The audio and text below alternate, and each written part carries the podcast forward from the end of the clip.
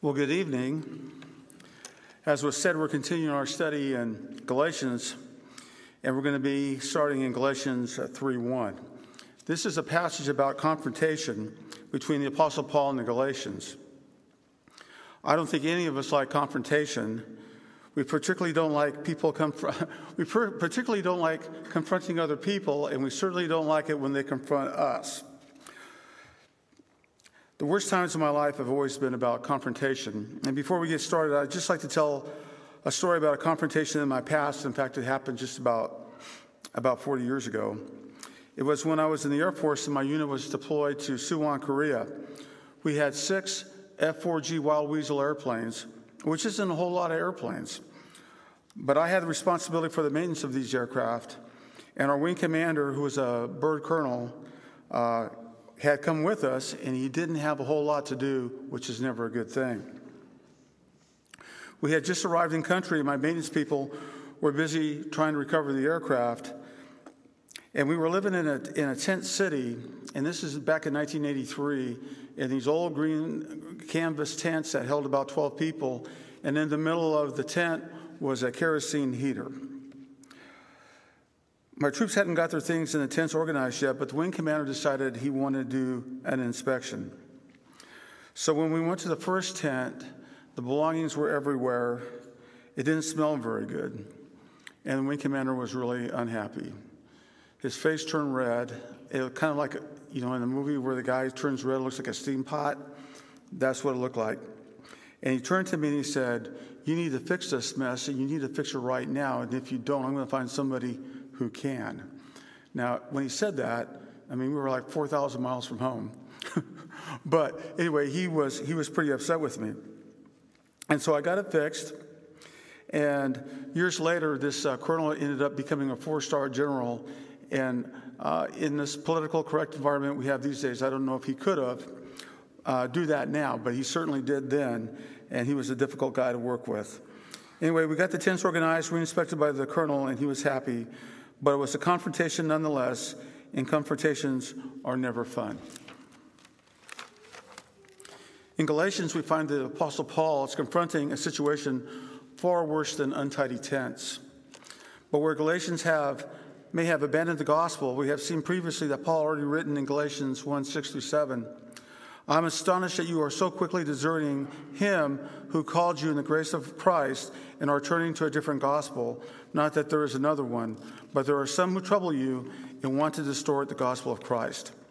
The Galatians were going astray because they were adding Judaism to the gospel of faith, observing the Sabbath and circumcision together with other works of the law. In the scripture we'll be looking at this evening, Paul is going to explain to the Galatians that they have run amok of what he's taught them about the gospel. He's going to explain how we are justified, made right before God by faith alone and not by works of the law. So please, if you return your Bibles to Galatians 3, chapter 3, starting at verse 1. O foolish Galatians, who has bewitched you? It is before your eyes that Jesus Christ was publicly portrayed as crucified. Let me ask you only this did you receive the Spirit by the works of the law or by hearing with faith? Are you so foolish, having begun by the Spirit? Are you now being perfected by the flesh? Did you suffer so many things in vain? If indeed it was in vain. Does he who supplies the Spirit to you and works miracles among you do so by works of the law or by hearing with faith? Just as Abraham believed God, it was counted to him as righteousness. Know then, it is those of faith who are the sons of Abraham. And the scripture foreseeing that God would justify the Gentiles by faith preached beforehand to Abraham, saying, In you all the nations will be blessed.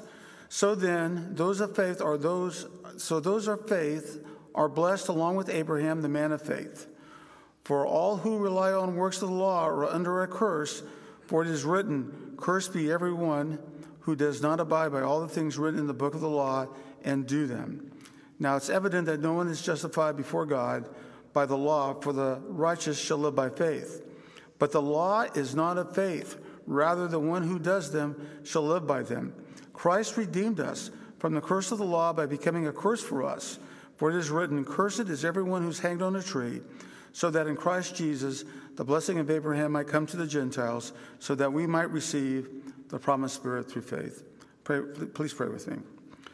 Father, as we look at this most important of the scriptures in the Bible that explains how undeserved sinners like us are justified before a holy God like you, we pray that you give us eyes and hearts to see it.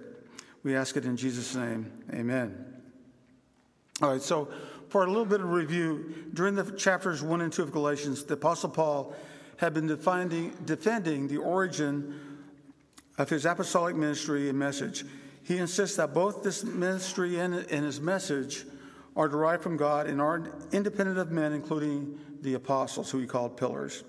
But now in chapter 3, Paul now comes back to addressing the, the Galatians directly about abandoning the gospel. He's clearly clearly irritated due to their unfaithfulness to the gospel because of the corrupting influence of the false teachers. The big idea that I want us to see tonight is how we, being sinners and separated from God, are made right before God. Is it by faith or is it by works of the law? To do, to do that, we're going to look at the problem which Paul addresses in the first verse. And then we're going to look at three arguments or points from Galatians uh, verse uh, 3, verse 2 through 14, that Paul is using to correct and encourage the Galatians and get them back on track. So, specifically in Galatians 3 1, Paul writes, O foolish Galatians, who has bewitched you? It was before your eyes that Jesus Christ was publicly portrayed as crucified.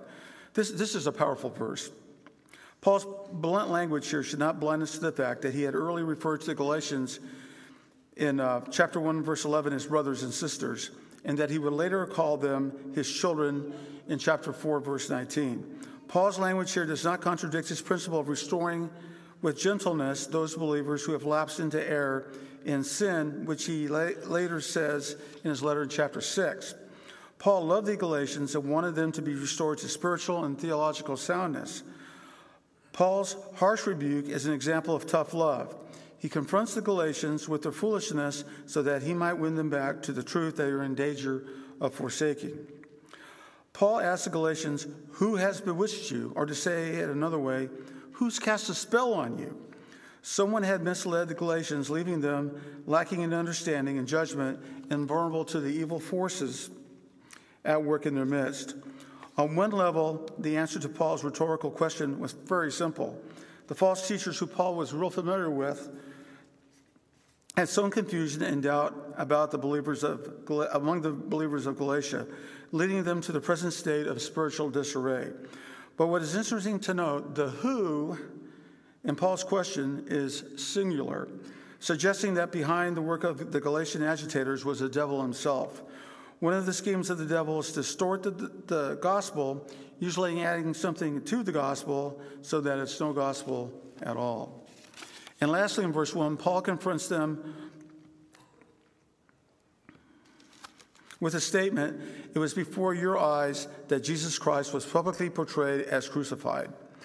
When Paul says this, Jesus was publicly portrayed as crucified, is reminiscent of what Paul is going to write in 1 Corinthians 2 2 years later when he says, All I know is Jesus Christ and Him crucified for me.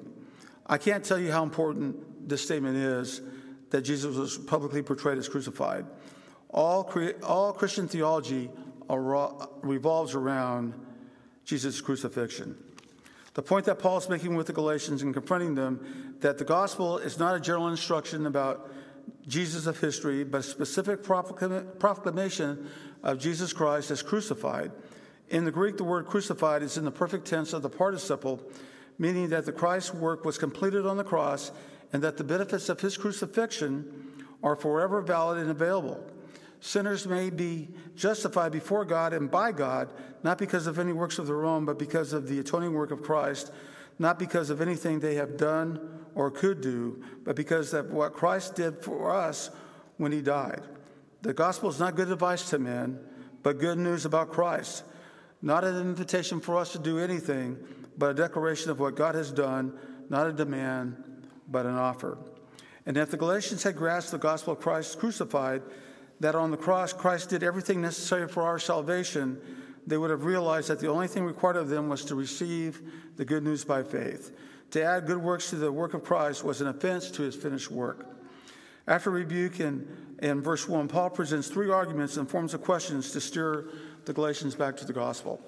The first one is How did you, the Galatians, receive the Spirit by hearing with faith or by the works of the law? So in verse 2, it says, Let me ask you only this Did you receive the Spirit by works of the law or by hearing with faith? Verse 4 is Did you experience so many things in vain? Paul assumes that the Galatians have received, have all received the Spirit. His question is not whether they received the Spirit, but whether they received the Spirit by works of faith or by being by, by faith or by works. He assumes also that he that this is how their Christian faith began, having begun with the Spirit. What he's asking is concerns how they received the Spirit and so began the Christian life. What part did they play in the process? Was it works or faith? In verse 5, Paul uses the same argument in a second way. Not now from the point of view of them receiving the Spirit, but from the point of view of God giving the Spirit. Does he, that is God who supplies the Spirit to you and works miracles among you, do it by works of the law or by hearing with faith? When Paul visited Galatia, God gave them the Spirit and worked miracles through them, the signs of a true apostle. The question is the same How did God do these works among them? And the answer is the same, not by works of the law, but through hearing with faith. God gave them the Spirit, verse 5, and they received the Spirit, verse 2, not because they obeyed the law, but because they believed the gospel. This then was the fact of their experience. Paul had come to Galatia and preached the gospel to them. He had publicly portrayed before their eyes Jesus Christ as crucified.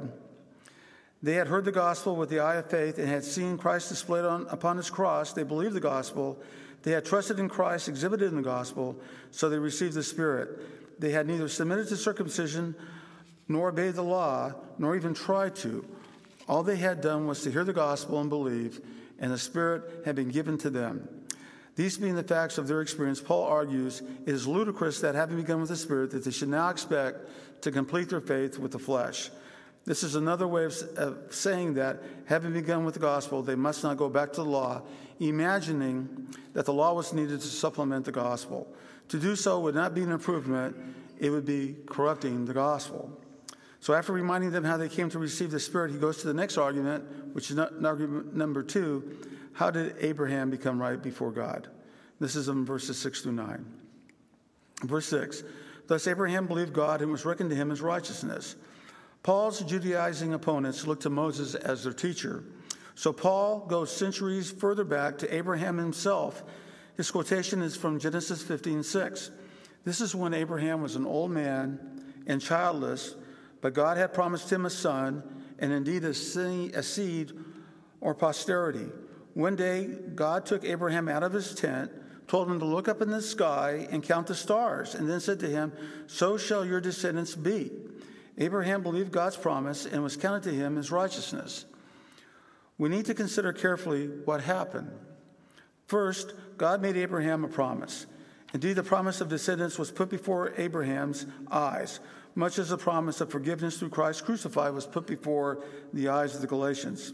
Secondly, Abraham believed God, despite the inherent improbability of the promise. From the human point of view, he was an old man and his wife was an old woman. Abraham cast himself on the faithfulness of God. Thirdly, Abraham's faith was counted to him as righteousness. That is, he himself accepted as he was accepted as righteous by faith. He was not justified because he had done anything to deserve it, or because he had been circumcised, or because he had kept the law, for neither the circumcision nor the law had yet been given, but simply because he believed God. With this promise of God to Abraham, Paul now links another and earlier promise, verses 7 through 9. So you see that it's the men of faith who are the sons of Abraham.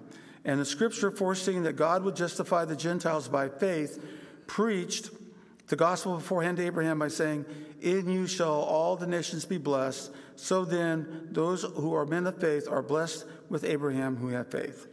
Both, both verses 7 and 9 affirm the true children of Abraham who inherit the blessing promised to the seed, are not his posterity by physical descent the Jews, but his spiritual progeny, men and women who share his faith, namely Christian believers. Paul's last argument is those who rely on the works of the law are under a curse.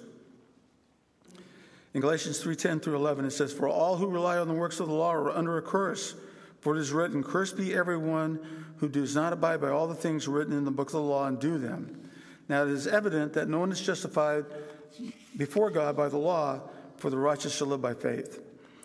If we were relying on our good works to get us into heaven, we have no hope. We're under a curse. Or if we try to justify ourselves by saying, I haven't done anything really wrong, like murder someone, or I'm a lot better than that person, we have no hope. We're under a curse. We're relying on the works of the law and not faith. Paul said in verse 10 Cursed be everyone who does not abide by all the things written, and known as justified before God by the law. This is the position of every human being who ever lived except Jesus Christ. Paul assumes the universality of sin here. It includes righteous and respectable people who think that they are excluded.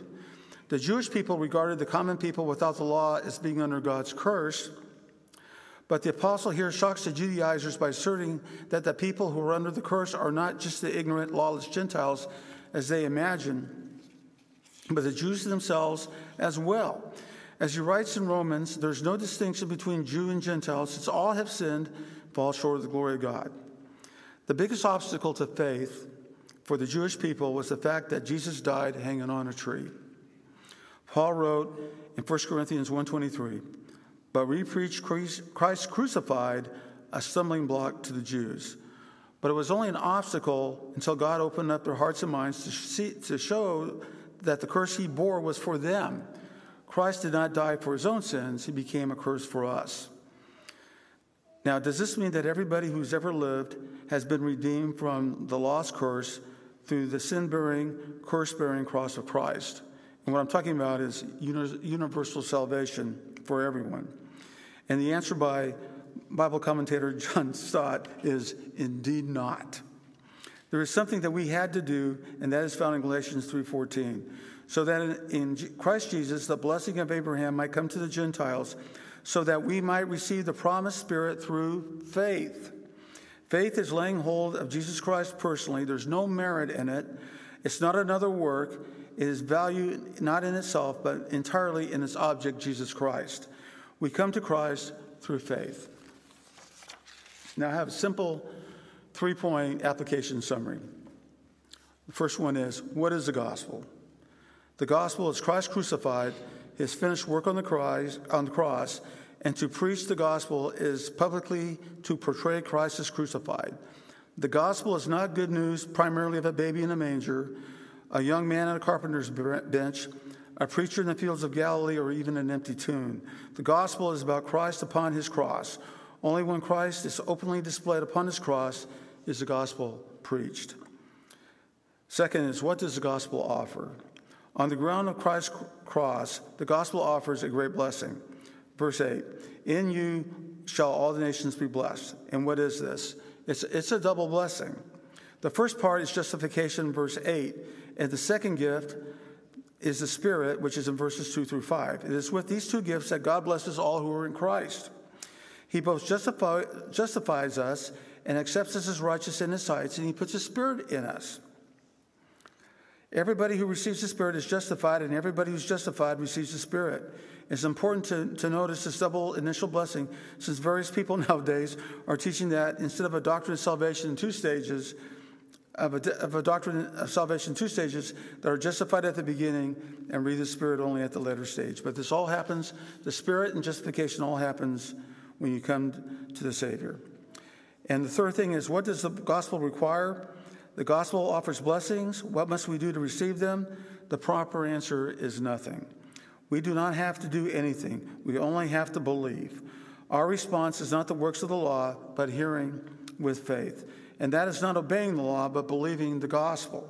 For obeying is to attempt to do the work of salvation ourselves, whereas believing is to let Christ be our Savior and to rest in His finished work. So Paul emphasizes both what we receive by the Spirit by faith verses 2 and 5, and that we are justified by faith, verse 8. Indeed, the noun faith and the verb believe occurs nine times in the scripture that we had tonight.